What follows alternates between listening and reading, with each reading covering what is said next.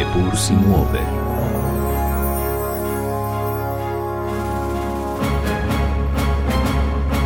In vendar se vrti.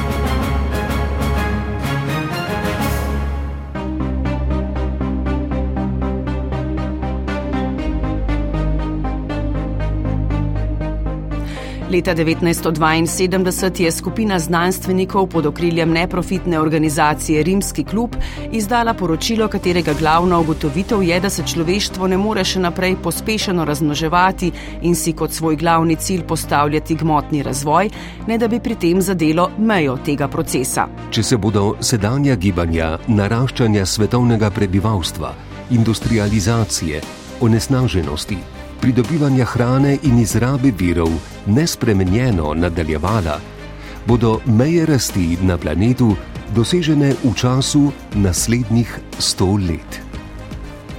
Tako so zapisali v poročilu objavljenem pred 50 leti, v času, ko je na Zemlji živelo manj kot 4 milijarde ljudi, danes nas je že več kot 8 milijard a tej zastrašujoči ugotovitvi sledi druga, bolj optimistična. To je, da je mogoče doseči stanje ekološke in gospodarske stabilnosti, ki lahko traja daleč v prihodnost in v katerem so zadovoljene materialne in druge potrebe posameznikov, če se le človeštvo odloči za to in si za to tudi prizadeva. Gre v resnici za povsem enostaven zaključek. Na omejenem planetu z omejenimi viri ni možna neomejena rast ljudi in proizvodnje. Poleg tega sklepa, ki ni nov, pa smo danes soočeni tudi z velikimi težavami, ki jih je prinesla nenehna rast. Med temi je na prvem mestu okoljska kriza, ki pred 50 leti še ni bila očitna, čeprav so tudi v tej preomenjeni knjižici že pisali o verjetni povezavi med naraščanjem deleža oglikovega dioksida in segrevanjem ozračja. Pa ne gre le za podnebno krizo, o kateri največ poročamo. Številni opozarjajo, da smo v obdobju novega množičnega izumiranja vrst. Kopičijo se odpadki, zlasti plastika. Na milijone ljudi na leto umre zaradi onesnaženega zraka, vode in zemlje.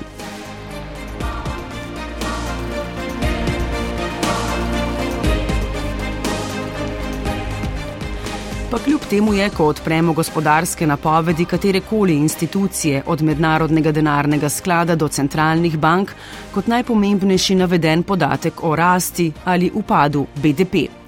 Po zadnjih napovedih se za letos obeta okrog 3 odstotna rast BDP na svetovni ravni. Ekonomist Janez Potočnik, so predsednik mednarodnega panela za vire, tudi član rimskega kluba. Osnovni problem, s katerim se srečujemo, je ta, da je dejansko bruto domači proizvod enostavno merilo, dobro razumljivo vsaj večini, čeprav sem pripričan, da večina, ki ga uporablja, ne ve točno, kaj z njim merimo. Problem njegov je, da je splošno uporabljen kot merilo uspeha in zadovoljstva. Ne? Klasični učbeniki ekonomije pišejo, da je bruto domači proizvod najpomembnejše makroekonomsko merilo, s katerim merjeno na prebivalca običajno ocenjujemo razvitost gospodarstva. V splošnem z višjim BDP povezujemo tudi boljše delujoče zdravstvene in izobraževalne sisteme, daljšo pričakovano življenjsko dobo in manjšo stopnjo revščine. Saša Polanec z ekonomske fakultete v Ljubljani. Države, ki imajo večjo razvitost, imajo tudi večji obseg zbranih zdavkov in imajo tudi večji obseg storitev, uh, državnih storitev, javn, uh, zagotavljanje javnih dobrin, se pravi šolstvo, zdravstvo in tako naprej, je v bolj razvitih večji po obsegu. A ta povezava v resnici ni tako tesna, pravi Janez Potočnik. E, recimo, vi nimate nobene garancije, če imate visoko raven bruto domačega proizvoda, da imate tudi dobro urejeno zdravstvo in šolstvo. Imate zelo lep primer trenutno doma mhm. ali pa v Združenih državah, ki imajo visoko raven BDP na prebivalstva, pa kljub temu si učinkovito zdravstvo in šolstvo lahko privoščijo samo, um, sam, bolj ali manj samo privilegirani. Skratka, blagostanje ni mogoče meriti samo z ekonomskimi vatli. Predvsem v razvitih državah glavno vprašanje ni več višina prihodkov, ampak to, kako so ti porazdeljeni. To pa ni več le ekonomsko vprašanje. Seveda je uh, dosežena raven pomembna, celo zelo pomembna. Ne? In eh, dejstvo je, da v državah, ki imajo nizko raven bruto domačega proizvoda ali pa reciva, ki so eh, gospodarsko nerazvite, da je tudi težko imeti relativno eh, dobro zdravstvo, šolstvo. Ampak v državah, kjer, ki so v bistvu nasičene, kot so v bistvu države Zahodne Evrope, skratka države z visokim, z visoko ravnijo bruto domačega proizvoda. Pri teh pa ni več toliko vprašanje rasti, ampak je bolj vprašanje, kako se ta bruto domači proizvod uporablja, na kakšen način se deli.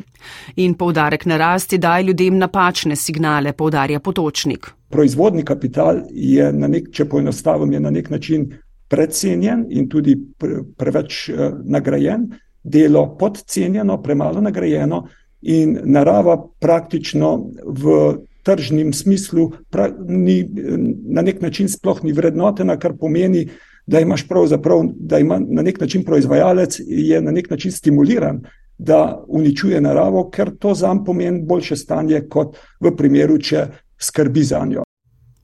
Kar moramo spremeniti je zlasti način razmišljanja.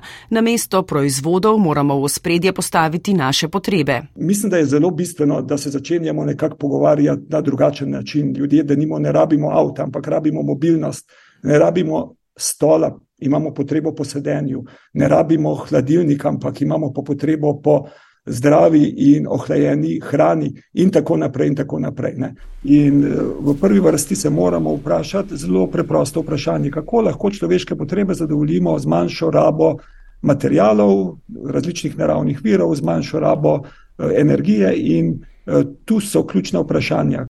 In tako pridemo tudi do koncepta trajnostne odrasti. Lidija Živčič iz okoljske organizacije Fokus. Načeloma trajnostno odrast definiramo kot krčenje proizvodnje in potrošnje, ki pa obenem poveča blagostanje človeka in izboljša tudi ekološke pogoje ter enakost na planetu. V bistvu poziva k neki prihodnosti, v kateri družbe živijo v okviru okoljskih zmožnosti, z nekimi odprtimi lokalnimi gospodarstvi in z bolj enakopravno porazdeljenimi sredstvi, resursi in seveda tudi v okviru nekih novih demokratičnih institucij.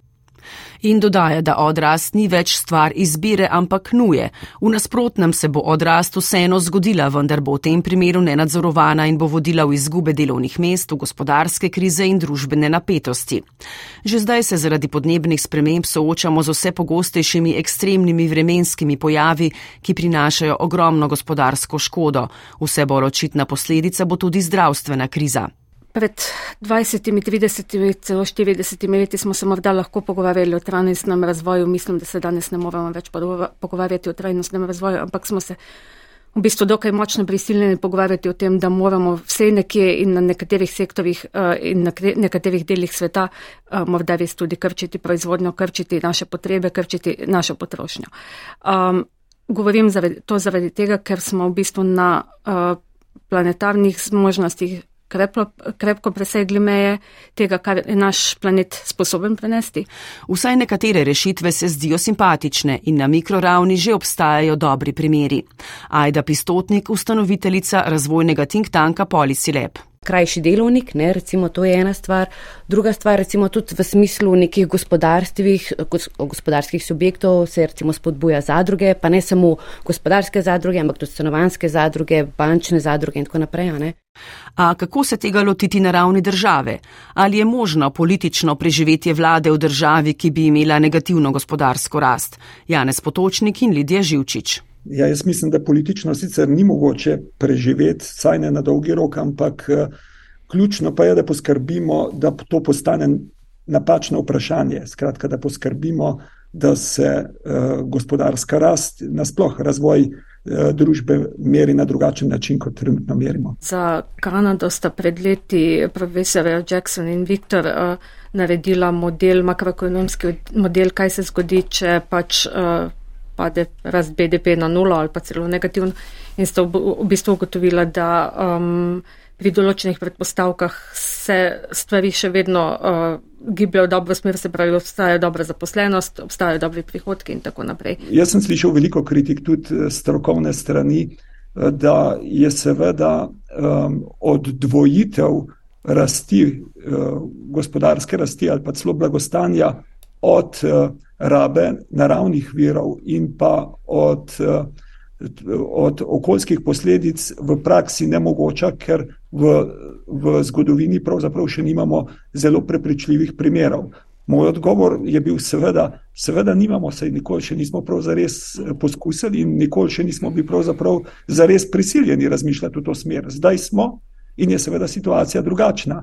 Sašo Polanec z ekonomske fakultete. Ker sem okolju izjemno naklonjen in bi rad videl, da se čim več teh politik izvede bi želel, da enostavno metriko res razširimo, tako kot je sicer zdaj širša in širša. Ne? Tudi če na slovenski surs pogledate, boste našli tam uh, investicije v okolje in tako naprej. Ne? Tako da nekaj se dogaja, ni pa še to perfektno in zasledovati neke te alternativne mere bi bilo absolutno smiselno tudi z vidika komunikacije, da rečemo v zadnjih štirih letih je pa ta vlada dosegla to pa to, da ne bi bilo samo poudarka na recimo BDP-ju, pa mogoče ne enako enakosti, ki sta tiste dve ključni prodajni točke, pa mogoče zdaj, kaj je aktualna inflacija, bo zdaj še to, recimo, kaj ste dosegli pri omejevanju inflacije. Lidija Živčič med instrumenti za zagotavljanje ustrezne ravni javnih storitev izpostavlja davčno politiko. Javne storitve ponavadi financiramo iz davkov. In če pogledamo, kaj se dogaja z našimi davki v tem trenutku, je v bistvu videti, da je možno narediti kar veliko sprememb. Ena od teh bi bila, da bi recimo multinacionalke in pa uh, tudi bogatejši posamezniki pravično plačali svoje davke, namesto da jih speljajo davčne oaze. Uh, druga rešitev bi bila ukiniti okolju uh, in družbi škodljive subvencije. Tretja rešitev bi bila obdavčiti prekomerno potrošnjo, ki prizadane tako okolje kot družba prekomerno. Skratka, na ta način bi v bistvu lahko zbrali več sredstev, da bi imeli boljše javne storitve. Seveda pa je treba javnim storitvam dati prioriteto, ne pa privatizaciji in seljenju javnih storitev v, v privatno sfero ali odrast pomeni tudi slabšo kakovost življenja. Odvisno, kako to definiramo, Mitja Žagar, znanstveni svetnik na Inštitutu za narodnostna vprašanja, povdarja, da nikakor ne gre nujno za odrekanja. Ne gre nujno tukaj za odrekanje vsega, ampak gre za drugačen pristop. Kot smo že prej rekli, ne bomo se odrekli mobilnosti, ampak bomo poiskali nove načine mobilnosti. Ne bomo se odrekli te ali oni vrste hrane, ampak bomo pogledali, kako je to možno narediti čim bolj trajnostno. In tisto, kar se mi zdi izjemno pomembno, je to, da v globalnem potrošništvu se pravzaprav stalno ustvarjajo nove in nove potrebe in cel kup teh potreb je pravzaprav zelo navideznih. Tukaj bi pa dejansko lahko prišli do tega, da bi s temi bolj skupnostnimi pristopi prišli do tega, kaj so dejansko naše potrebe, kaj so dejansko naši interesi. Takrat bi šele lahko videli, koliko dejansko k našemu razvoju, k naši sreči in zadovoljstvu prispeva nekoliko več prostega časa, ki ga lahko preživimo z družino, s prijatelji, ko lahko delamo svoje hobije in podobne stvari. In tukaj se pravzaprav ni potrebno odrekati prevečim stvarem, ampak je tisto, kar je bistveno, to, da se jih navadimo na drugačen način delati in pa predvsem, da se navadimo na drugačen način meriti in si predstavljati, kaj to, ker je sreča, ker ni sreča, ker se nam prodaja na takšen ali drugačen način prek eh, medijev, preko glasov in podobno. Manjša proizvodnja, krajši delovnik, manjša plača in manj materialnih dobrin na drugi strani lahko pomenijo več prostega časa, tudi naprimer za rekreacijo, manjša onesnaženost, bolj zdravo življenje in bolj povezano skupnost. Namreč danes, če pogledamo na naslovnice časopisov, gledamo samo ali BDP rasta ali BDP pada, s tem se meri tudi uspešnost politik in tako naprej. Um, dejmo to spremeniti, uh, dejmo se pogovarjati o drugih kazalcih na naslovnicah časopisov, dejmo se pogovarjati o zadovoljstvu, dejmo se uh, pogovarjati o kakovosti življenja, dejmo se pogovarjati o tem, kako so prihodki pa razdeljeni v družbi in tako naprej. Dejmo pogledati na ekonomijo z nekoliko drugačnega, z nekoliko širšega vidika. Pa vendar, vsi predlagani ukrepi po pričakovanjih ne bodo naleteli na veliko odobravanja v javnosti.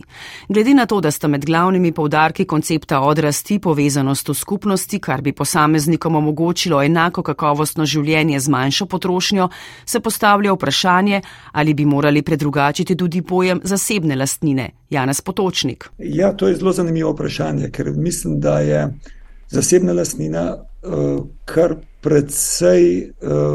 Pogojuje tudi to, da se nekatere stvari težko premaknejo naprej. Sam sem zelo pristaš tega, da bi bilo treba te stvari uh, vzeti, vsaj resneje začeti obravnavati in postaviti, uh, narediti neke uh, dosti temeljite analize, kako in na kakšen način se odmakniti od tega koncepta, uh, ki je trenutno absolutno prevladujoč.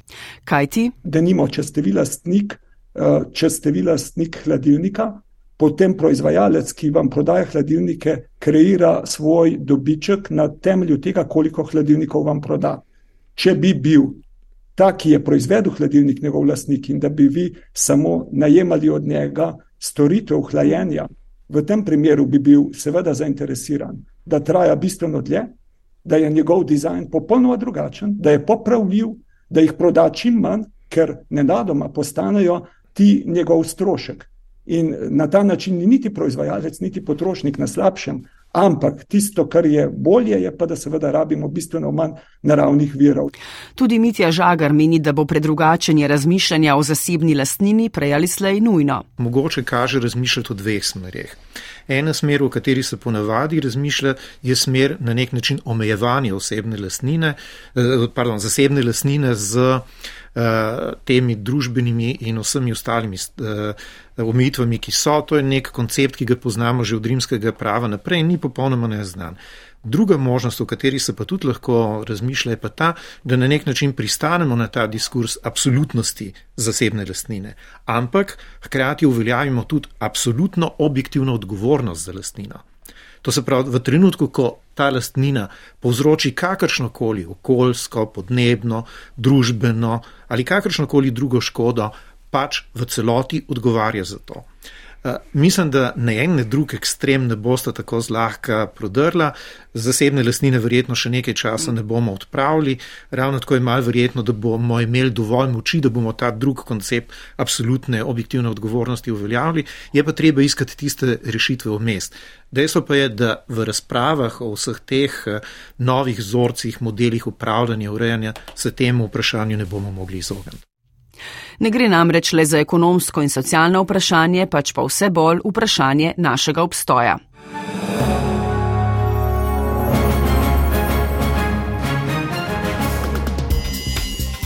Poslušali ste oddajo zunanje političnega uredništva Epur Simove in vendar se vrti. Pripravila sem jo Špela Novak, posnel Miha Klemenčič, prevod je prebral Igor Velše, urednik uredništva je Luka Rubida.